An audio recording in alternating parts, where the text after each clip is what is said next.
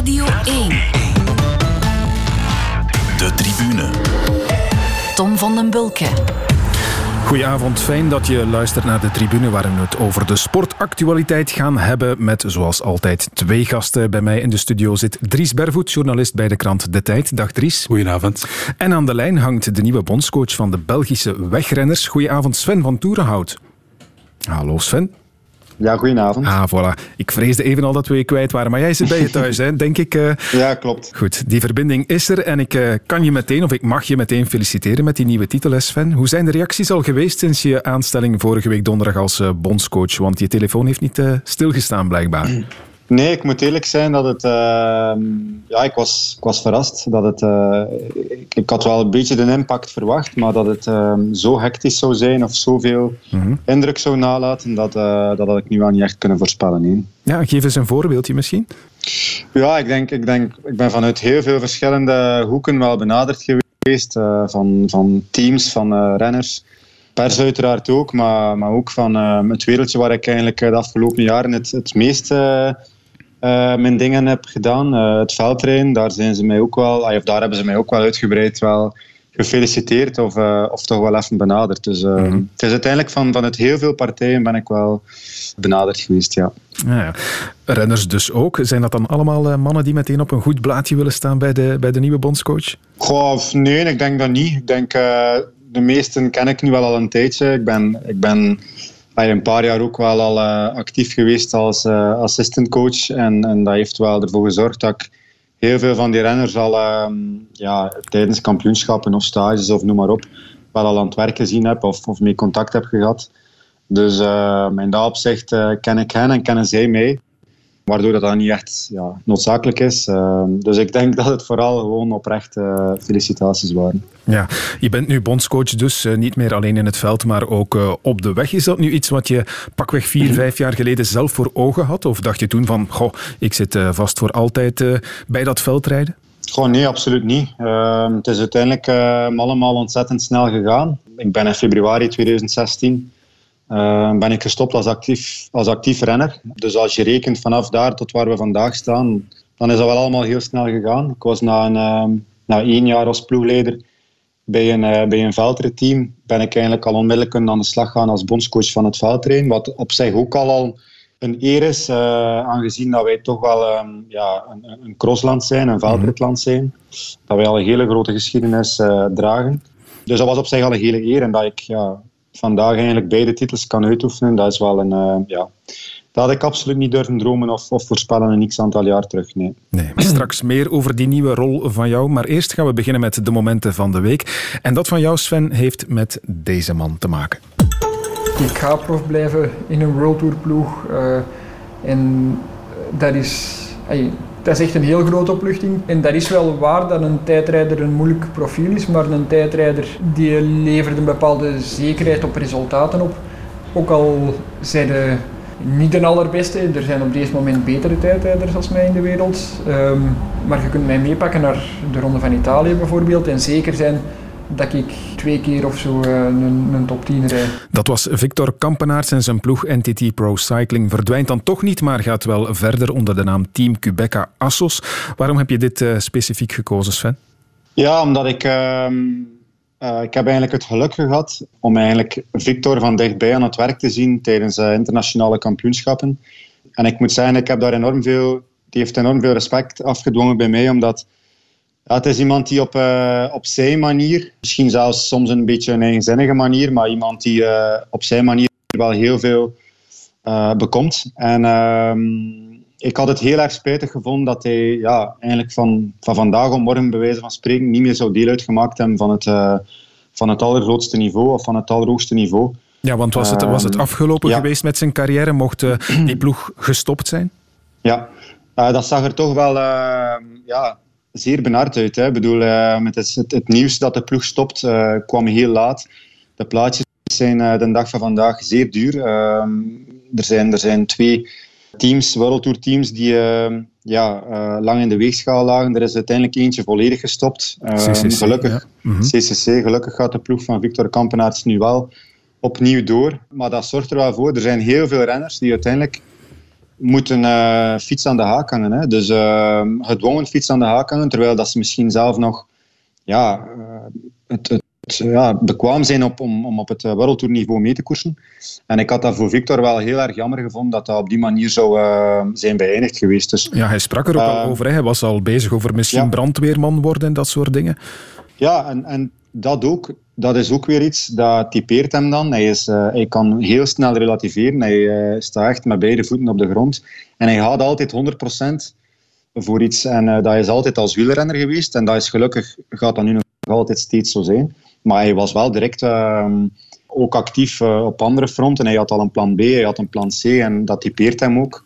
Maar ik moet zeggen, ik ben blij en ehm, ja, was, het was voor mijzelf, uh, dat zal voor hem uh, nog, nog, nog, nog honderd keer meer geweest zijn, maar mm -hmm. ik was heel blij als ik, uh, als ik het te lezen krijg dat Victor op, toch, toch op zijn minst profrenner blijft. Ja. Ja, ik ben wel benieuwd, welke rol zie jij als bondscoach nu nog voor Kampenaerts? Want oké, okay, je hebt Wout van Aert, je hebt Remco Evenepoel, dus een beetje logisch redeneren, dan zeg je voor de tijdritten van volgend jaar, is er dan toch enkel een plaatsje op de bank voor Kampenaerts? Ja, Goed, ik moet dat niet onder stoelen of banken steken. En ik denk dat Victor dat heel goed weet. Uh, als als uh, Remco en Wout op uh, hun allerhoogste niveau zijn, wat dat ze moeten zijn, zoals ze afgelopen jaar hebben gedaan, dan staan ze misschien net dat trapje boven Victor uit. Maar ik wil daar Victor zeker nergens in passeren of in doen. Hij hoort daar eigenlijk nog altijd bij, want uiteindelijk um, moeten we stellen dat Victor eigenlijk ons land wel weer op het, uh, in een tijdritwereldje heeft gebracht. Hè. Dus uh, tot over drie, vier jaar ja, was er totaal geen sprake om uh, medailles te bereiken in een, in een internationaal kampioenschap. Mm -hmm. of zelfs op Olympische Spelen. En uiteindelijk wat dat hij de laatste drie, vier jaar voor elkaar heeft gekregen, we moeten daar we mogen dat zomaar niet vergeten. En hij heeft uiteindelijk voor ons als, als federatie heeft hij heel veel bereikt, heel veel gedaan. Mm -hmm. En uh, dat zal in de komende jaren nog wel het geval zijn. Ja, moet hij uh, blijven inzetten, vol inzetten op dat tijdrijden zeker. inderdaad? Want het is, het is wel al een tijdje geleden dat hij er nog eens één gewonnen heeft. Hè? Ik denk anderhalf jaar ja. geleden. Ja, klopt. Maar goed, ja, de concurrentie is er niet min op geworden. Daar moeten we eerlijk in zijn. Uh, niet alleen van, in, van, van, aan onze zijde, met, met Wout van Aert en Remco Evenepoel, maar ook de Italiaan Ghana, die ook uh, wereldkampioen is geworden. Dat is uh, er zijn er wel een aantal opgestaan. We hebben ook een uitzonderlijk jaar gehad, waardoor dat er heel veel renners wel hier en daar meer het accent kunnen leggen op het specifieke onderdeel, uh, ook het tijdtrain, waardoor dat, ik kan niet zeggen, Victor zijn, uh, zijn sterkte een klein beetje is um, aan de oppervlakte gekomen, maar ja, allee, nogmaals, Victor moet zeker blijven inzetten op zijn, op zijn sterke punt en hij gaat daar in de toekomst nog altijd heel veel resultaten mee boeken. En dat zal en dat zal ook op internationale kampioenschappen zijn. Er zal ook een dag komen dat uh, Victor nog altijd mee zal deel uitmaken van, uh, uh, van, van kampioenschappen waar medailles te, te, verdelen zijn. Ja, dat is duidelijk. Nog één ding over Kampenaerts. Hij heeft ook laten weten dat Johan Museeuw zijn mentor wordt. Ik vond dat eerlijk gezegd best wel een, een, een vreemd gegeven, want de renner Kampenaerts heeft op zich toch weinig gemeen met de, met de renner die Johan Museeuw was. Ja, ik, ik, heb het ook gelezen, dus ik heb er, eh, ben er nog niet dieper op ingegaan, zowel uh, bij Johan Messee of bij Victor Kampenaerts. Uh, maar ik moet wel zeggen, Victor is iemand die, uh, die staat voor heel veel dingen open. Hij is destijds ook, als ik me niet vergis, bij een downhiller uit het mountainbiken ehm, te raden gegaan om, om zijn, zijn dalerscapaciteiten ehm, te verbeteren. Mm -hmm. het is iemand die eigenlijk geen enkel detail links laat liggen. En, en stel dat Johan Museeuw daar hem een half procentje of een procentje kan in, op bepaalde vlakken beter in maken, dan gaat hij daar ook te raden. Dus het is iemand die uh, dag in dag uit uh, met zijn sport bezig is. Uh, dat, heeft hem ook wel gemaakt tot wie dat hij vandaag is. want Victor heeft misschien niet de, de, de fysieke capaciteiten van iemand uh, à la Wout van Aert of Remco Evenepoel. Maar het is wel iemand die samen met zijn fysieke capaciteiten en al die andere details wel al die, uh, die mooie medailles heeft uh, bijeengefietst. En ja, als Johan daar een half procentje kan aan bijbrengen, dan gaat uh, Victor dat zeker niet laten liggen. Hè. Nee, en de bondscoach gelooft duidelijk nog in Victor Kampenaerts. Goed, Absoluut. Ja. Voilà, dat is bij deze gezegd en duidelijk gemaakt. En dan nu het moment van de week van Dries Bervoet. Dat komt uit het Spaanse voetbal.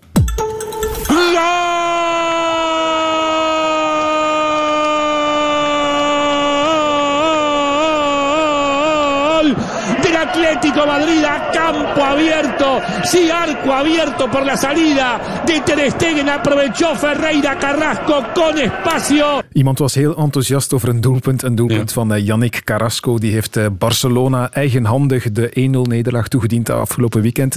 En zo, ja, de slechtste seizoenstart in, eh, wat is het, meer dan 25 jaar voor Barcelona. Het is denk ik, Dries, een beetje symptomatisch voor de toestand waarin de club momenteel verkeert. Hè? Klopt, eerst en vooral denk ik dat er twee lessen zijn uh, dat nu kunnen stellen dat Yannick Carrasco zijn Chinese hoofdstuk wel definitief afgesloten is.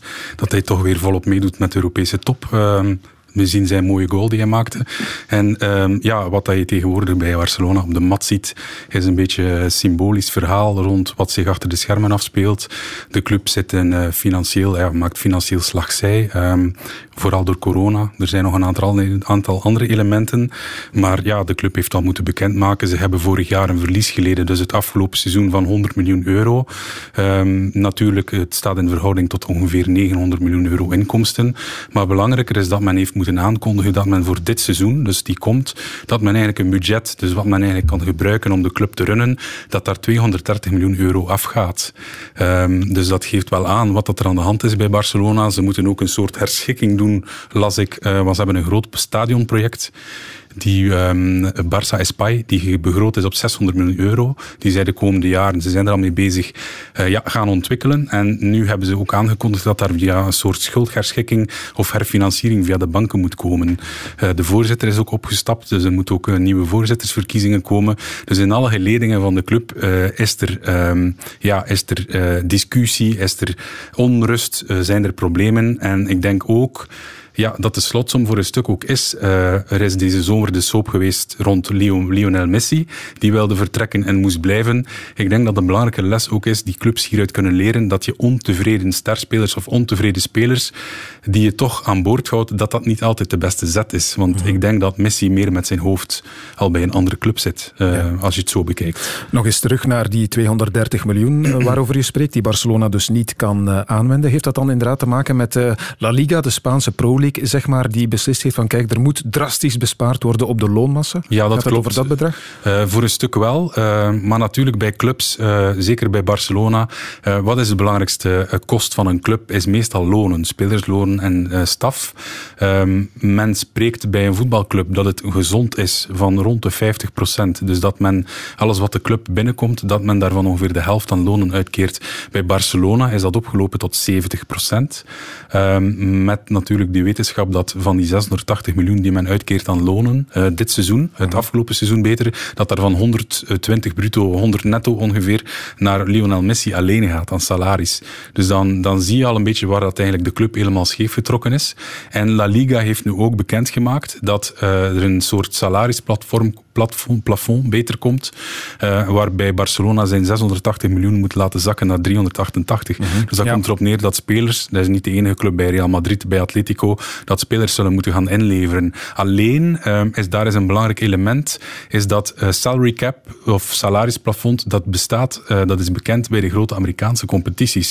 Het probleem is daar dat um, ja, die competities, dat is eigenlijk de enige competitie, bijvoorbeeld NBA of NFL, de voetbalcompetitie, waar die spelers terecht kunnen. Dus dat is logisch dat je daar kunt als uh, liga macht hebt.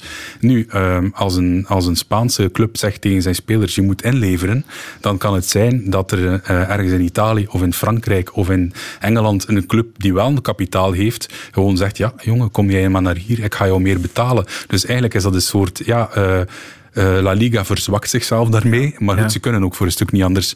Want ik geloof dat de loonlast van 3 miljard naar 2,3 miljard moet. Dus ze gaan nog altijd wel uh, goed kunnen leven, de spelers. Maar dat, er moet dat wel is inderdaad wel, zoals je zegt, eigenlijk bijna letterlijk Lionel Messi uit Spanje verjagen. Hè? Want die zal wellicht niet willen blijven aan verlaagde voorwaarden. En als je dan ziet dat zijn goede vriend Pep Guardiola net voor twee jaar bijgetekend heeft bij Manchester City, dan uh, kun je de puzzel misschien al wel beginnen leggen. Klopt, alleen is er wel sinds een tijd in Italië ook een heel interessante fiscaal regel ingevoerd, waar spelers die miljoenen verdienen een heel laag belastingtarief. Tarief. Dat heeft toch ook meegespeeld bij, uh, hoor ik, dat niet alleen het zeer goed gaat tussen uh, Romelu Lukaku en uh, Conte, maar het ja. zou toch ook een rol hebben gespeeld bij zijn beslissing om naar Inter te gaan. Ja. dus ja, dus Messi ik zou hem nog niet meteen bij City zetten. er zijn wel wat meer opties, maar ik denk dat toch wel eens de laatste maanden zo'n niet seizoen kan zijn bij Barcelona van hem. Ja. Barcelona failliet, dat gaat nooit gebeuren, zeker? Nee, nee. Um, ik denk het niet. Het gaat financieel niet goed met de club, maar de club zal het wel.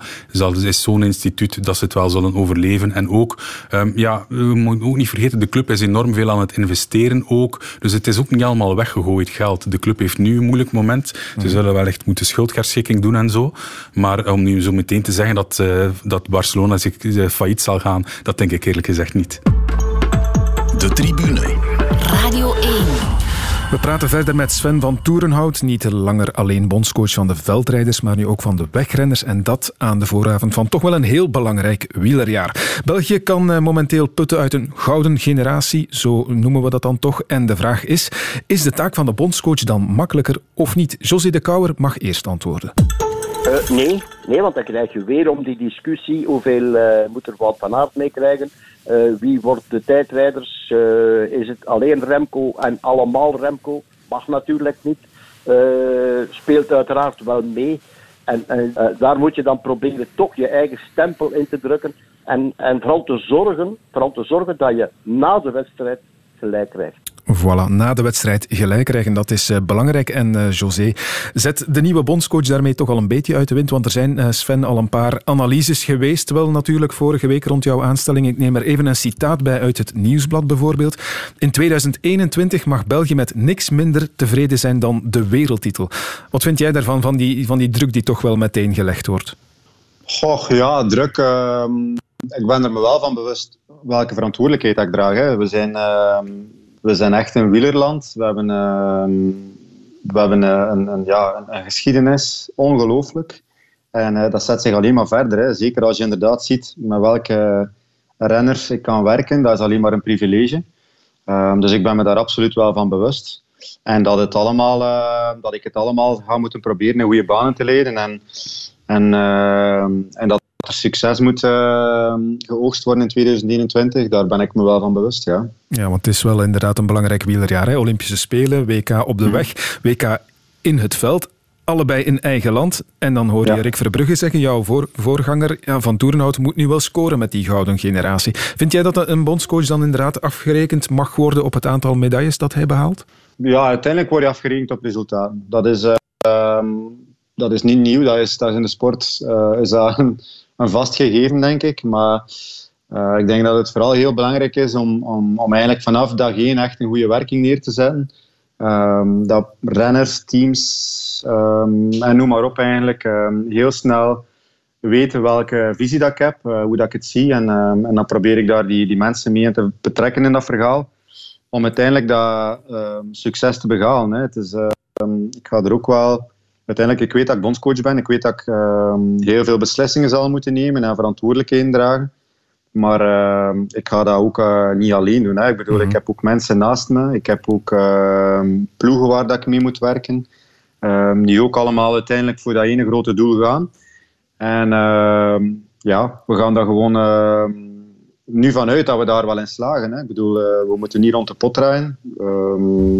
er zijn er zijn medaillekansen, er zijn uh, mogelijkheden tot uh, fantastische momenten. En uh, vandaag moeten we daar ook ten volle in geloven en het, en het vertrouwen in hebben en, en daar ook vol voor gaan. Ja, een groot takenpakket ligt er bij jou, denk ik. Maar ik ga het even vragen aan, aan Dries. Want naar de buitenwereld toe heb je wel eens zo de indruk van een bondscoach. Wat doet hij eigenlijk het hele jaar? Want uiteindelijk zit hij maar een paar dagen op dat hele jaar in de volgauto. En dan nog kan hij eigenlijk al bij al weinig doen op het moment zelf. Hè? Heb jij een idee wat een bondscoach doet? Ja, die indruk heb ik ook een beetje soms. Dat, uh, hoe zal ik zeggen, dat, dat, hij, dat het belangrijkste is dat een bondscoach doet, uh, is de juiste slimme selectie maken. Ik vermoed dat daar toch ook wel wat getouwtrek van ploegen. Ik veronderstel de Koning, Lotto, dat daar dan discussie ontstaat waarom hebben wie de bulk van de, van de renders mag leveren.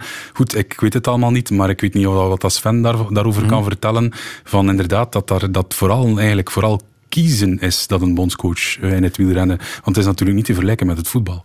Dat is een goede opmerking, denk ik, eh, Sven. Dat getouwtrek inderdaad eh, bij een bondscoach vanuit de ploegen in jouw richting dan.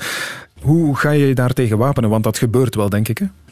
Uh, ja, goed, ik laat het aan mij afkomen natuurlijk. Hè. Het is mijn eerste jaar, dus ik, moet, uh, ik, ik, sta, ik sta wel voor die, uh, voor die dingen die zich gaan voordoen. Maar um, uiteraard speelt dat mee. Hè. Het begint allemaal met je, met je kopmannen natuurlijk. de mannen die het leiderschap zullen dragen um, op die bepaalde kampioenschappen. In dit geval 2021 zijn de Olympische Spelen. Dan is er ook nog een Europees kampioenschap en uiteindelijk het, het wereldkampioenschap. Dus van het moment dat je daar wel in grote lijnen uh, uh, namen kunt opplakken en, en dat er kopmanschappen ontstaan, dan, dan ja, van daaruit begin je te werken. En daar, zijn, daar gaat waarschijnlijk een beetje voor gelobbyd en gedaan worden om, om uiteindelijk wel de juiste mannen mee te krijgen.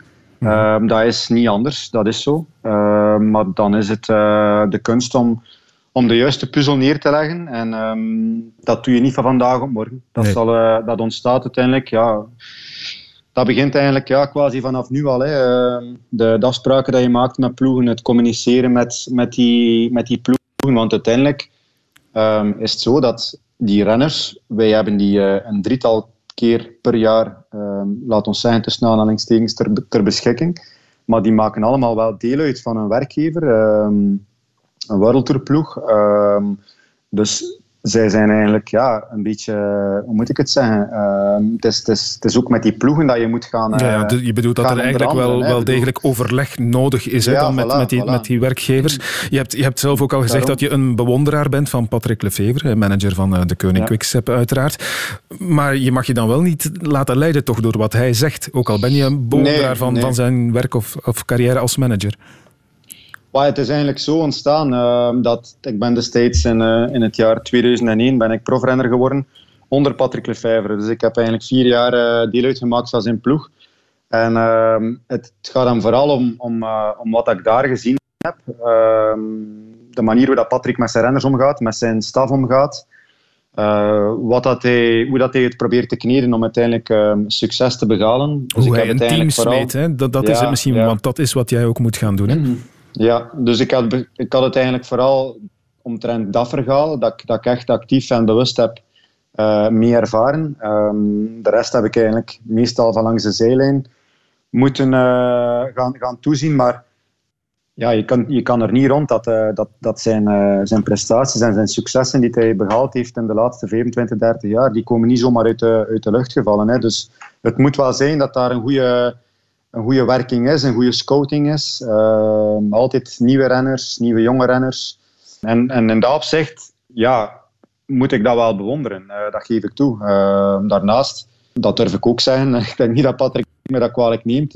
Patrick Lefevre, het zijn niet allemaal vrienden van Patrick Lefevre. Dus hij heeft ook redelijk wel wat ik ga niet zeggen vijanden, maar... Uh, gezonde uh, tegenstanders. Ja, gezonde tegenstanders. Niet, niet, niet, iedereen is het altijd akkoord met Patrick. Maar dat interesseert hem ook niet. En dat vind ik ook wel fijn. Dus hij, hij, gaat, gewoon, hij gaat altijd het beste van, uh, uit zijn team halen, uit zijn renners halen, uit zijn staf ook halen. De rest, ja, daar, daar ligt hem niet echt van wakker. Uh, en ook dat typeert hem een beetje. Dus ehm, ja, ja, dus je zegt eigenlijk dat je zijn stijl misschien, ik ga niet zeggen wil kopiëren, maar dat je toch ook vooral zelf je eigen gang wil gaan en je niet mm -hmm. laten afleiden links en rechts en zo. Daar, daar komt het een beetje op neer. Ik, nog één vraag uh, rond Patrick Lefevre.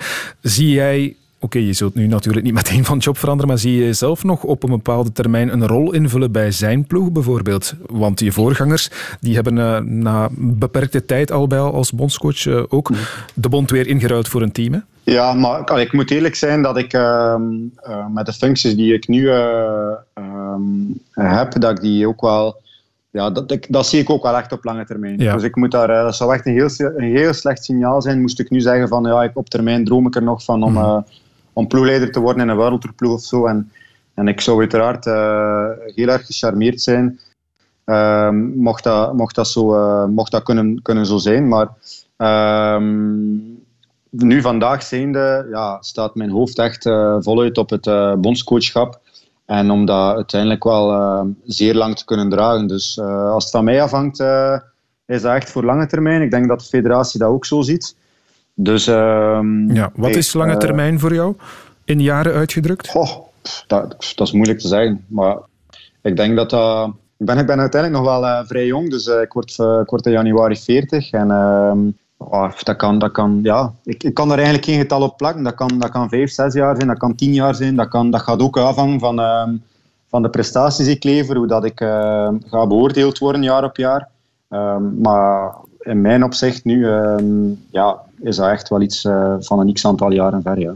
Ja, ik wilde nog iets vragen aan Sven, omdat, uh, over dat bondscoachschap en, en, en, eventueel vertrek, omdat het toch een veel stabielere uh, job is, denk ik, dan bijvoorbeeld in het voetbal. De trainersontslag is daar niet meteen aan de orde bedoeld in in het wielrennen. Ook omdat men toch ergens beseft dat een WK, dat dat toch vaak op toeval berust. Dus dat bondscoaches afrekenen op het feit dat net iemand de wereldtitel niet haalt, zoals zo vaak gebeurt, heel zelden toch een bondscoach wordt afgerekend. Want je voorganger Verbrugge vertrekt trekt ook gewoon naar een ander team. Dus uh, hij is eigenlijk niet ontslagen. Je hoort dat toch zeer zelden. Of vergis ik mij? Nee, nee, nee, dat klopt volledig. Dat klopt volledig. Wij, wij hebben, dat is een, een totaal ander gegeven ten opzichte van het voetbal.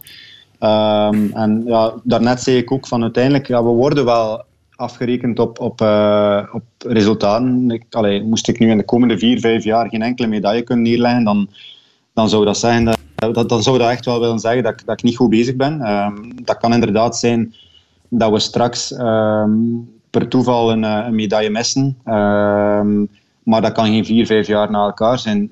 dan, zou het, dan, dan, zou het willen zeggen dat we geen goed werk geleverd hebben. Maar er is natuurlijk ook nog heel veel werk ernaast. Hè. Ik bedoel, er is ook als bondscoach heb je wel ook een, uh, ja, een deel van het scouting op zich. Uh, je moet wel ook nieuwe jonge talenten gaan ontdekken. Um, dus je algemene werking speelt daar ook wel een grote rol in. Ja. Um, dus in dat opzicht um, word je enerzijds beoordeeld op resultaten, maar anderzijds is er nog een heel grote kern van uh, werking die moet geleverd worden, waar dat je natuurlijk ook wel uh, voor een stuk wordt op uh, ja, beoordeeld. En is goud in Tokio dan belangrijker dan het WK? Goeie dat is een hele moeilijke. Dat is een hele moeilijke. Ik denk, laat het ons zo stellen, moesten, moesten we in Tokio kunnen goud pakken, dat dat uiteindelijk al een zekerheid is en, en heel mooi is om dan mee van, om, om van daaruit dan uh, naar het WK in, uh, in België te gaan. Dan heb je dat toch al in de hand, dan heb je dat toch al behaald. En hoogstwaarschijnlijk wel met, uh, met een van die twee toppers. Dus ehm, het, zou, het zou ergens al een, ehm, een, een, ja, een rust geven richting het uh, WK in België. Ja. Ja, die twee toppers, uh, Wout van Aert en Remco Evenepoel. Uiteraard, ik ga ervan uit, Sven, dat jouw uh, relatie met Wout van Aert, ja, dat het goed is dat jullie vaak contact hebben, gezien ook de gemeenschappelijke band in de cross. Maar hoe is je relatie met Remco Evenepoel eigenlijk? Hebben jullie al vaak gesproken? Ja, goh, ik moet zeggen... Um, ja, ik heb, ik, heb, ik heb heel vaak contact met Remco een twee, drietal jaar terug is dat eigenlijk ontstaan. Uh, ook een beetje eigenlijk per toeval dat ik eigenlijk um, uh, gevraagd werd om uh, Carlo Bomans wat te assisteren op het Europees kampioenschap. Ik denk dat dat in Tsjechië was ergens voor de jeugd. En Remco Evenepoel was op, die, op dat moment tweede jaar junior. En daar heb ik hem eigenlijk een beetje leren kennen. Heb ik hem eigenlijk een van zijn eerste grote, ondanks dat het nog bij de juniors was, van zijn eerste grote prestaties heb zien doen. En van daaruit heb ik eigenlijk altijd wel wat contact blijven houden. En mm denk ik dat dat wel, uh, wel oké zit. Dus uh, het, is, het, is, het is misschien meer aan Remco om daarop te antwoorden dan aan ikzelf. Maar ik denk dat dat wel meer dan oké zit, ja. Wel, weet je wat? We zullen hem eens laten antwoorden. ik denk een vrij logische keuze. Natuurlijk, Rick heeft een supergoeie campagne gehad. Ik heb het ik deze week nog eens gelezen, vrij veel medailles gehaald. Ik heb met Sven ook een vrij goed contact. Die heeft mij eens bezocht als ik in mijn ziekenhuisbed lag thuis. Ja, ik voel me wel zeer goed bij. Ook iets jonger, dus weten, dat is ook al wat... We zitten met een vrij jonge generatie tegenwoordig. Ik denk wel dat dat gaat klikken en dat we er waarschijnlijk wel mooie resultaten mee zullen behalen. Voilà, dat is eh, geruststellend nieuws, denk ik. Hij ziet het zitten met jou, Sven. Ik wil toch al eens kijken naar uh, volgend jaar dan. Hè, dat belangrijke jaar voor Wout van Aert en Remco Evenepoel. Oké, Remco, dat, dat weten we. Een grote ronde plus dan de Olympische Spelen. Er zal veel aandacht gaan, denk ik, ook naar de puzzel ronde van Frankrijk en Olympische Spelen, want daar zit maar zes dagen tussen. Heb jij al een plan voor Wout van Aert in gedachten? het is sowieso de bedoeling dat we nu in de eerstkomende week, want ik heb vandaag eigenlijk, allee, per toeval nu vandaag uh, al, een, al een planningsoverleg gehad uh, binnen in de federatie. Het is de bedoeling om nu eigenlijk in de, ja, dat moet eigenlijk in de komende maand gebeuren, dat we met die renners en die teams gaan proberen samenzitten om een beetje te zien uh, wat dat een programma is voor 2021, wat dat een doelstellingen zijn naast de kampioenschappen, om dan een beetje te zien of we de, puzzel, de juiste puzzel kunnen leggen richting Olympische Spelen en uh, richting het WK. Want dat zullen uiteindelijk voor uh, zowel Wout als Remco wel naast hun doelen bij, bij de ploeg zullen dit wel hun belangrijkste ja. campagnes zijn. Ja, dat komt eigenlijk nu de komende weken aan bod. En dat zal uiteenlopend zijn. Hè. De een inderdaad voor een grote ronde en voor de Olympische Spelen. En de andere, ja, dat is, die zit natuurlijk met zijn hoofd nog ja, de komende weken een beetje met veldrijden, wat klassiekers dan tussendoor, de Tour. Dus heel, heel wat eigenlijk. Ja. en bij Jumbo-Visma, de ploeg van Van Aert, zeggen ze nu de Tour uitrijden kan ideaal zijn in functie van de Olympische Spelen. Dat is wel een andere kijk dan wat we tot nu toe vooral gehoord hadden, vind ik. Um, ik weet niet hoe jij daar tegenaan kijkt. Wat, wat zou jouw voorkeur wegdragen? Oh, ik moet daar eerlijk in zijn. Als je dan nu puur wetenschappelijk bekijkt en je, gaat daar, uh, je, mag, je mag tien trainers om tafel zetten en, en, en een deel wetenschappers en... Uh, en je gaat echt de theorie gaan handhaven, dan kan het nooit zijn dat een, uh, iemand die de Tour gereden heeft, een week later gaat scoren uh, op, een, op een Olympisch kampioenschap. Maar moet, tegelijkertijd moet ik wel zeggen dat, uh, dat het in, de, in realiteit al heel vaak is anders uitgedraaid. Ik moet, als je nu bijvoorbeeld het voorbije wereldkampioenschap in, in Imola op de weg bekijkt, een week na de Tour, dan is mijn conclusie daar je over een wedstrijd van 260 kilometer kijkt, dat in de laatste twee ronden enkel nog de mannen overschieten die uiteindelijk de Tour hebben gereden. Mhm. Ehm, is er dan een theorie voor? Niet echt. Um, dat is heel moeilijk um, te gaan ja, uh, op tafel leggen en neer te schrijven, maar het is wel een, eh, een vaststelling. Dat meestal die mannen die de Tour gereden hebben, in de finale nog dikwijls dat tikkeltje hardheid over hem, of nog ja, dat, dat tikkeltje van dat ze, over, dat ze opgedaan hebben die drie weken van die grote ronde. Mhm. Dat dat dit meestal net iets meer bijbrengt. Ja. Dus jij gaat niet protesteren als uh, Jumbo-Visma vraagt of zegt van... Want ze hoeven uiteindelijk niks te vragen, denk ik. Uh, als zij zeggen van, kijk, Wout moet de Tour uitrijden. Nogmaals, dat moet, dat moet echt wel dat moet besproken worden. Het hangt er ook een beetje vanaf natuurlijk hoe dat je de Tour gaat rijden. Hè. Als je elke dag uh, uitgevrongen wordt en... En, en, je moet dan een week later op je allerbeste niveau gaan presteren, dan, dan is dat misschien een net iets moeilijker verhaal. Maar ik denk, uh, Wout van Aert uh, is, uit, ja, is uiteindelijk afgelopen toer ook wel alle dagen in beeld geweest, maar toch mhm. nog altijd net iets minder dan wat dat zijn kopman heeft moeten doen. Dus hij heeft het ook wel. Het, het voordeel is, is ook van Wout dat hij het wel heeft gedaan. Hij heeft het echt bewezen dat het kan. Dat je kan een week na een uh, grote ronde echt op je best presteren. want uiteindelijk met het WK in Imola heeft hem dat fantastisch gedaan. Ja. medaille gehaald in, in, zowel de tijdrit als in de wegrit ja, wie zijn wij dan om hem tegen te spreken? Hè? Voilà. Straks zal de naam Van Aert nog wel een keer vallen, want we gaan het ook nog over veldrijden hebben. Maar eerst voetbal. De tribune. Want daarvoor zit jij hier ook, eh, Dries. En we moeten het eerst over Anderlecht hebben, want er is eh, nieuws vers van de pers. Een eh, wijziging in de aandeelhoudersstructuur. Dat is pas een half uurtje geleden bekend geraakt. Vertel er eens wat meer over. Opmerkelijk nieuws, ja. Ehm, Michael Verschuren maakt bekend dat hij het aandelenpakket van Alexander Van Damme, de bekende miljardair die zijn fortuin te danken heeft aan AB InBev, en Jo van Biesbroek, de, de, de operationeel directeur die ondertussen afscheid heeft genomen van de club, uh, dus samen, uh, Van Damme had nog 5%, Van Biesbroek 1%. De familie Verschuren had ook 5%. Dus alles samen krijgt uh, Michael Verschuren nu 11% van de aandelen in handen. En tegelijk wordt aangekondigd dat hij eigenlijk zo... Uh, dus er is een groepje historische aandeelhouders die ongeveer 5, 26% van de aandelen samen heeft. Een soort blokkeringsminderheid ten opzichte van uh, ja, uh, de eigenaar nu, Mark Koeken en zijn vennoot Joris Ide. Maar het gaat vooral om Mark Koeken natuurlijk. Dus dat hij een beetje het boegbeeld wordt, het gezicht van die historische aandeelhouders in de onderhandelingen met Koeken en onder meer dan op meer in, de in, de, in, de, in de directiekamer Wouter van den Auto, Karel van Eetveld, over die financiële reddingsoperatie die Anderlecht nodig heeft. Hè. Want, ja, zeg dus, maar. dus Michael Verschuren, een tijd geleden weggezet nog bij Anderlecht, Absoluut. mag je zeggen, naar de achtergrond geduwd. Absoluut. Hij wil meer gaan wegen op het beleid en dankzij dit manoeuvre kan dat dan eigenlijk. Dus ga je dan nog meer twee kampen krijgen binnen Anderlecht, moet ik het zo zien? De facto is het zo. Anderlecht is momenteel uh, is verdeeld in eigenlijk twee belangrijke kampen die strijden om de, om de macht binnen de club nog altijd voor een stuk. Um, dus het verhaal is inderdaad dat dat aandeelhouderspact dat bestond tussen de B-aandeelhouders, dus die minderheidsaandeelhouders, dat die voor een stuk versterkt wordt, dat die een macht, of, of dat die die kracht daarvan in handen leggen van als boegbeeld Michael Verschuren en dat nu die gesprekken moeten gevoerd worden door uh, met, met, met Mark Koeken. En mij is ook verteld dat het voor een stukje te maken heeft dat men bij, binnen de bestuurskamer bij Anderlecht altijd wel dacht dat meneer Van Damme ehm, met zijn miljarden toch het nodige bedrag wel op tafel zal leggen. Dit is ergens ook een signaal dat men niet moet verwachten dat hij zomaar weer zijn portefeuille gaat opentrekken. Mhm. Want er is inderdaad uh, nog niet zo lang geleden, als ik me niet vergis, sprake geweest van die kapitaalsverhoging die er zou moeten komen bij Anderlecht. En niet iedereen uh, was echt geneigd om mee te stappen in dat verhaal. Maar die is dus volgens mijn informatie nog altijd niet rond. Wat is daar de discussie? Um, dat eigenlijk die minderheidsaandeelhouders hun blokkeringsminderheid van 26%, dus waar ze eigenlijk in de toekomst van de club nog inspraak hebben. De operatie die op tafel lag, um, schulden omzetten in aandelen, ging er eigenlijk voor zorgen dat zij hun, aandeel, of een, ja, een, een, aandeel in de club uh, verwaterd zouden zien worden. En zij zijn daar, of zouden daar niet bereid toe zijn geweest. Dus moet er eigenlijk een andere oplossing uh, worden gezocht.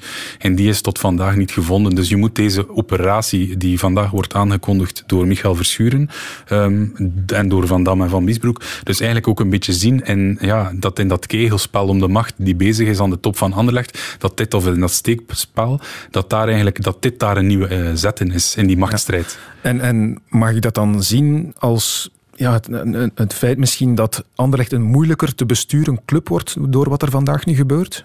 Ja, Anderlecht is sowieso altijd een beetje het, het, het, het, probleem die men, de probleemstelling die men heeft gemaakt. In een tijd herinner ik mij nog dat Anderlecht een soort uh, koninklijke familie was, waar de verschillende clans en takken uh, elkaar bestreden en dat dat eigenlijk Anderlecht bemoeilijkte om die hofhouding onder controle te houden en eigenlijk een modern bedrijf te maken, wat een moderne voetbalclub eigenlijk moet zijn. En wat Bart Vraag eigenlijk toch verwezenlijkt, verwezenlijkt heeft bij club, dat dat uh, de oplossing was, dat Mark Koeken dat ging oplossen. En nu zie je dat dat eigenlijk niet opgelost is. Mm. Heeft te maken met macht dus allemaal. Macht heeft ook te maken met geld en daar moeten we het ook over hebben, want uh, de afgelopen week zijn er toch uh, redelijk veel cijfers naar buiten gekomen als het over uh, het voetbal en de spaarkassen ging. De jaarrekeningen die bekendgemaakt zijn en daarbij, daarbij zijn toch heel wat rode cijfers naar boven gekomen. We hebben de btw-aangiftes, zoals altijd krijgen wij die binnen in de, in de uh, trimestriële rapportages. En daaruit is gebleken dat er uh, eh, 275 miljoen minder inkomsten zijn geweest uh, sinds maart. Maar daar zit wel alle inkomsten in. Dus dat is het, het, het wedstrijdgebonden gebeuren, maar daar zitten ook transferinkomsten in, daar zitten ook de Europese gelden in. dus niet alles is één op één terug te leiden tot, tot COVID. Maar het is toch duidelijk dat de impact van COVID uh, enorm is uh, voor het Belgisch voetbal. Dat was Peter Kronen, voorzitter van de Pro League. Hij heeft het over die uh, eh, 275 miljoen euro minder inkomsten. Ik wil nog eens, hij legt het al een beetje uit, maar ik wil toch nog eens terugkomen op dat bedrag. Dat is wel een heel groot bedrag, vind ik. En dat na ja, amper twee kwartalen. Klopt dat eigenlijk echt wel? Kun je dat, kun je dat eens duiden? Ja, dat is denk ik wel juist. Men heeft dus de BTW-aangifte gepakt en alles die men daarop... ja, dus dat is gehalveerd. Uh, dus men berekent, maakt daar een rekensom op dat dat uiteindelijk uh, eh, 275 miljoen minder inkomsten zal betekenen. Wat ik wel uh, belangrijker vind, is denk ik wat dat een stabieler cijfer is. Ik ben het zelf eens gaan nakijken en blijkbaar, om maar te zeggen, hij geeft ook aan, het is niet alleen corona, dat is wel duidelijk, omdat de laatste vier seizoenen alleen, dat blijkbaar de Belgische profclubs samen hebben die 150 miljoen euro nettoverlies na belastingen geleden. Uh, maar als je dat opsplitst, dan zie je dat de grote vijf eigenlijk dat die een beetje winst maken, een vijf, zestal miljoen, maar dat eigenlijk alles daaronder uh, zwaar, zwaar verlieslatend is. Dus corona ja, maar het is veel, er is veel meer aan de hand met het Belgisch voetbal. En dan is het uh, het derde kwartaal, juli, september, nog niet meegerekend. Dat doet wel het ergste vermoeden, denk ik. Dan gaan er clubs echt zwaar in de problemen komen? Ja, dat zie je nu al, want Peter Kronen heeft ook vorige week gezegd, het is een beetje dat is niet het verhaal dat naar boven gehaald is.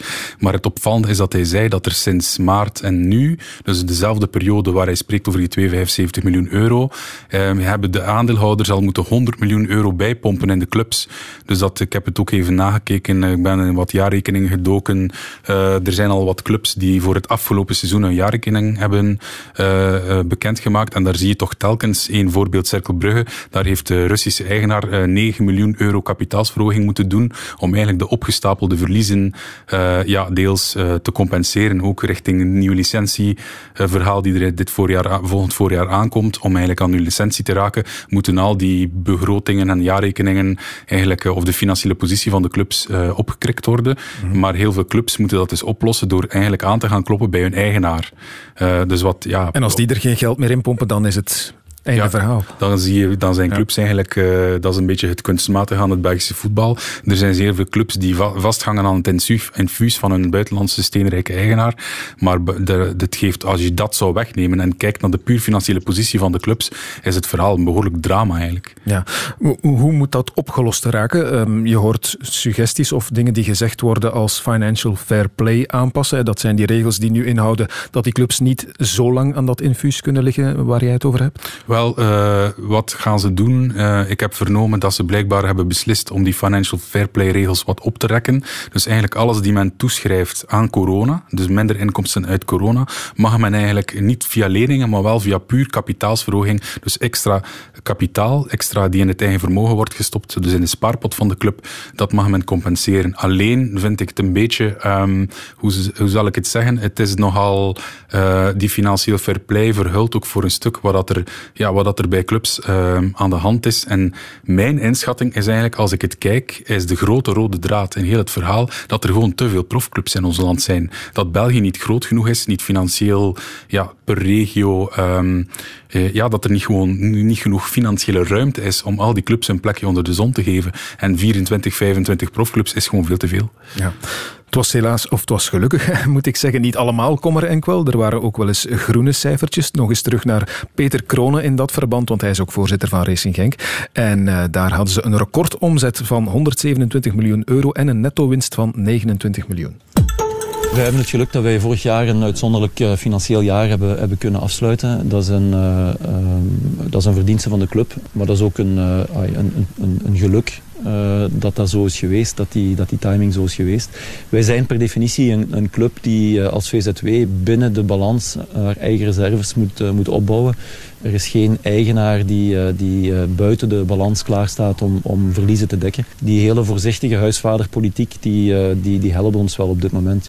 Ja, te danken onder meer aan mooie uitgaande transfers, zoals hij zegt. Maar, en dat is dan weer slechter nieuws, nu wil de fiscus blijkbaar toch ook een deel van die Genkse koek opeisen. Ja, dat is echt wel een soort zwaard van Damocles boven de club, uh, laat ik mij vertellen. Um, wat is er gebeurd is, um, de meeste clubs uh, waren vroeger allemaal VZW's, dus verenigingen zonder winstoogmerk.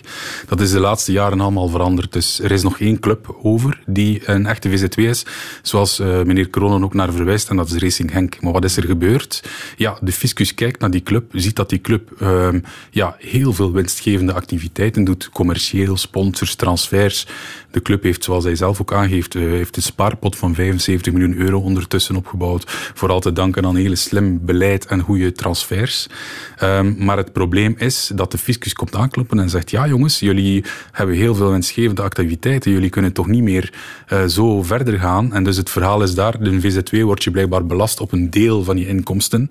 Waar je, als je echt een vennootschap bent, dan, ben je, dan moet je op alle inkomsten vennootschapsbelasting betalen. Mm -hmm. Dus het verhaal is daar dat uh, voor het seizoen, uh, wat is het, 2016, dus het jaar 2016 en 2017 dat er in totaal 16,8 miljoen euro um, ja, belasting zou verschuldigd zijn. Maar um, dat is maar een deel van het verhaal blijkbaar, want ik heb eens nagevraagd en blijkbaar is het zo dat Racing Henk ook nog uh, verhaald kan worden of op Racing Henk de jaren daarna, de, aanslagjaren daarna. Dus die 16,8 miljoen die nu in de pers is verschenen, is blijkbaar nog een onderschatting van wat het werkelijk kan zijn. Dus in dus het slechtste geval... Um... Tientallen miljoenen euro. Ik denk nu dat Racing Henk dat wel zal overleven. Um, maar de club heeft echt wel een probleem, als ik het ja. goed begrijp. En ja. tegenover de fiscus blijkt het zeer moeilijk uh, te zijn om, hun, om daar eigenlijk een tegenargument voor te vinden. Mm -hmm. Dus de positie van Racing Henk zou niet zo sterk staan op de, dus in dit dossier. Inderdaad, een zwaard van Damocles ja. boven de club. Uh, over belastingen gesproken, nog kort. Um, is er nog nieuws van het RSZ-voordeel van de Belgische voetbalclubs? Want dat stond toch onder stevige druk hè, vanuit de politiek? Ja, het laatste nieuws is, het staat ook in de recente, dus het stond in het regeerakkoord het, staat ook in de nieuwe beleidsbrief van minister Van Petegem, minister van Financiën. Uh, twee dingen. Daar staat in dat de hervorming van het sociaal en fiscaal gunstregime, dus het belastingvoordeel in voetbal, hervormd zal worden. En opvallend dat er ook een circulaire komt um, rond de makelaars. Dus er zal ook weer nog scherper gecontroleerd worden en nog scherper toegezien worden op de, ja, de vergoedingen die makelaars krijgen. Want uiteindelijk, de analyse die politiek wordt gemaakt is van kijk eens jongens, de makelaars slepen elk jaar bijna 50 miljoen euro uit ons voetbal. We krijgen ook, de Belgische clubs krijgen ook uh, bijna 100 miljoen aan uh, ja, subsidie, kun je zeggen, via sociaal en fiscaal gunstregime. Dus dat is bijna 150 miljoen euro. En wat krijgen we ervoor terug? Is eigenlijk alweer maar verlieslatende clubs. Dus er wordt stilaan eens gevraagd, moeten wij dit wel blijven betalen voor clubs waar we toch kunnen spreken van, van wanbeheer als je naar die jaarrekeningen kijkt. Okay. Dus uh, die analyse wordt wel gemaakt. Of dat het allemaal zo ver zal komen, is maar de vraag. Want op zich is de moeilijkheid nu natuurlijk, de politicus of de, regering, als zij dat morgen, die zware hervorming zouden doen, ja, dan is het helemaal gedaan met Belgisch voetbal. Dus daar, daar zit de catch-22 eigenlijk. Oké. De tribune. Sven van Toerenhout hangt ook nog altijd aan de lijn. Dat hoop ik toch. Sven, je bent er nog? Jawel, jawel. Want ik weet natuurlijk dat voetbal niet meteen jouw core business is. Maar wel het veldrijden natuurlijk. Daar gaan we het ook nog even over hebben. Want komende zaterdag keert Wout van Aert terug in de cross. En Eli Iserbit kreeg zondag nog de vraag wat dat zal betekenen. De laatste vraag. Wout van Aert vanaf volgende week. Verandert dat iets voor jou? Uh, uh, nee, dat verandert niets. Het is gewoon dezelfde aanpak. Ik denk uh, dat iedereen ook nog wel kansen ziet, omdat Wout misschien nog niet super is. Ik weet het niet hoe dat zijn vorm gaat zijn. Maar het zou wel mooi zijn moest Wout meerijden in de finale. En moest er iemand van ons hem kunnen kloppen, heeft dat nog altijd meer cachetten. Dat verandert niets, zegt Eli Iserbit. Hoe denkt de bondscoach erover? op zich heeft hem gelijk. Maar ik moet wel er tegelijkertijd bij zeggen dat het zoals, zoals uh, Eli ook zelf zegt, het zal net iets meer cachet geven. Hè, als ze een finale kunnen ingaan met Wout van Aert. En mhm. hem uiteindelijk uh, met lastig kunnen maken of, uh, of, hem, of hem voorblijven. En, um, dat is nou altijd een net ander gegeven dan, dan, dan, dan, ja, dan zonder hem. Ja. ja. Een bondscoach moet dat weten, Sven. Hoe is het met het vormpeil van Wout van Aert op dit moment? Gewoon vrij goed, denk ik. Ik denk dat Wout op zich Um, ja, die vormcurve is natuurlijk wel voor een stuk afgenomen na die klassiekers. Wat dat ook logisch is, maar heel ver is dat toch niet weggezakt. Hè. Dus uh, als ik uh, hem hoor of als ik zie wat dat hij doet, dan, dan is hij toch nog altijd op een heel hoog niveau. Natuurlijk, het is een, het is een heel ander gegeven als je natuurlijk uh, uit een wegseizoen komt en dan een aantal wegtrainingen en hier en daar misschien een lichte crosstraining al hebt afgewerkt. Mm -hmm. Je moet het dan toch straks gaan doen tegen jongens die ondertussen al wat crossritmen hebben opgedaan die al net iets meer interval in de benen hebben. En um, dat zal hij ook wel voelen. Uh, maar zaterdag doet hij meteen wel... toch weer mee ja. voor de overwinning, denk je? Goh, voor de overwinning, ik durf dat niet zeggen. Ik bedoel, uh, ik denk dat we dat ook niet mogen verwachten. Waarmee dat ik niet wil zeggen dat het niet kan, want het is nog altijd Wout van Aert. Ja, hij, hij, hij, gaat, hij gaat lang meedoen. Daar ben ik van overtuigd. Ik denk als ze, als ze niet wat goed mee is in de start, dan gaat hem lang meedoen voor de overwinning. Dat wel, ja. Eh, Sven, ik wil je ook nog iets vragen. Um, hoor ik daar in de stem van Elie Iserbiet een beetje frustratie over het feit dat men door uh, ja, die, al die kwaliteit bij Wout van Aert en Van der Poel, dat er in sommige kringen wel eens wel wordt uh, smalend neergekeken op die B-renners uit het veld rijden? Of is dat iets dat vandaag de dag echt niet meer speelt? Um, dat speelt steeds minder, omdat natuurlijk ja, jongens als Wout van Aert en Mathieu van der Poel die hebben uiteindelijk... Uh, ja, ja, zeker. Merlier. Uh, er is ook nog uh, Gianni Vermeers, die ook wel op de weg um, ieder jaar wel meer en meer zijn, zijn ding doet. Um, maar je hebt een punt. Die, ik kan niet zeggen dat ze daardoor gefrustreerd zijn, maar, maar ze worden daar wel heel vaak mee geconfronteerd. En um, dat is ergens jammer. Dat is enerzijds begrijpelijk, maar anders ook jammer. Want uiteindelijk, uh, Eliezer Biet, Toon Aerts, Laurens Zweek, nu maar op. Of, of nu Michael van Toernout, die afgelopen zondag won dat zijn ook wel stuk voor stuk allemaal goede renners en hele goede veldrijders. Uh, dus het is, het is niet altijd fair om, om, uh, om hen te gaan vergelijken met die, met die kleppers. Um, maar, maar ja, het, anderzijds het is ook realiteit natuurlijk. Hè. Uh, Wout van Aert, Mathieu van der Poel, dat zijn nu eenmaal wereldtoppers in gelijk welke discipline dat ze van start gaan. Dus uh, ja. het is ergens logisch dat ze daar wel mee worden afgerekend. Die zullen er wel bij zijn op het WK veldrijden. Maar de vraag is, uh, Sven, wordt dat uh, eigenlijk wel gereden nu eind januari in Oostende? Want dat is de bedoeling. Maar ja, wat is de laatste stand van zaken daar? Komt het ervan of wordt het uitgesteld?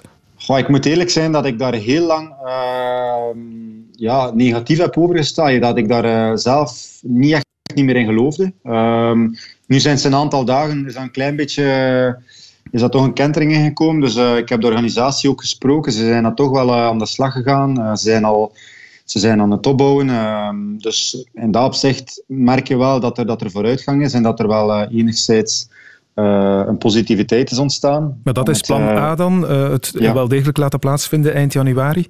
Mm -hmm. Ja, en, en ik, ik zie dat ook wel goed te komen. Dus ik heb daar ook wel vertrouwen in.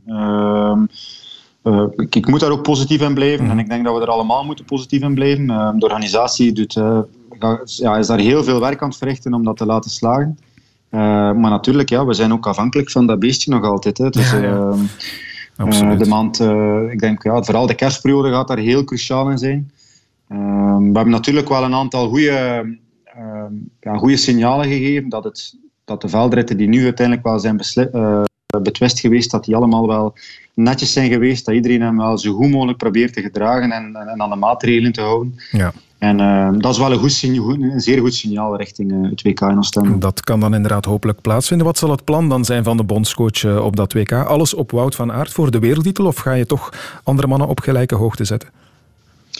Ik denk dat vooral, ehm, hij geeft dat ook zelf aan, dus ik moet dat, dan, dan ben ik de eerste om dat mee te ondersteunen en om daar ook volle vertrouwen in te hebben. En ik denk dat Wout van Aert echt wel een punt heeft gemaakt van dat WK in Oostende. Dus Um, hij, hij, hij, zal er ook, hem kennende, zal hij daar ook 100% klaar voor zijn. En zal hij um, zich zo sterk mogelijk wapenen tegen, een, ja, tegen mm. nog altijd een Mathieu van der Poel, die het ons uh, zeer lastig zal maken. Hè. En, maar goed, ik heb uiteraard de luxe om, om daar heel wat jongens uh, uh, daarnaast te zetten. En ja. daar, ja, Tonaert, C. Laserbiet, ehm, dat zijn jongens die, die, die ook wel uh, volledig voor, uh, voor dat doel zullen gaan. Dus ja. uh, er is meer dan Wout van Aert wel. Ja. Er is nog van alles om over na te denken. We zitten bijna in de laatste minuut, Sven. het is druk allemaal, hè, denk ik. Voor jou heb je nog tijd om te lopen eigenlijk. Dat wilde ik nog wel vragen, want je bent een heel goede marathonloper. Twee uur. Hoeveel was je beste tijd? Twee uur 38?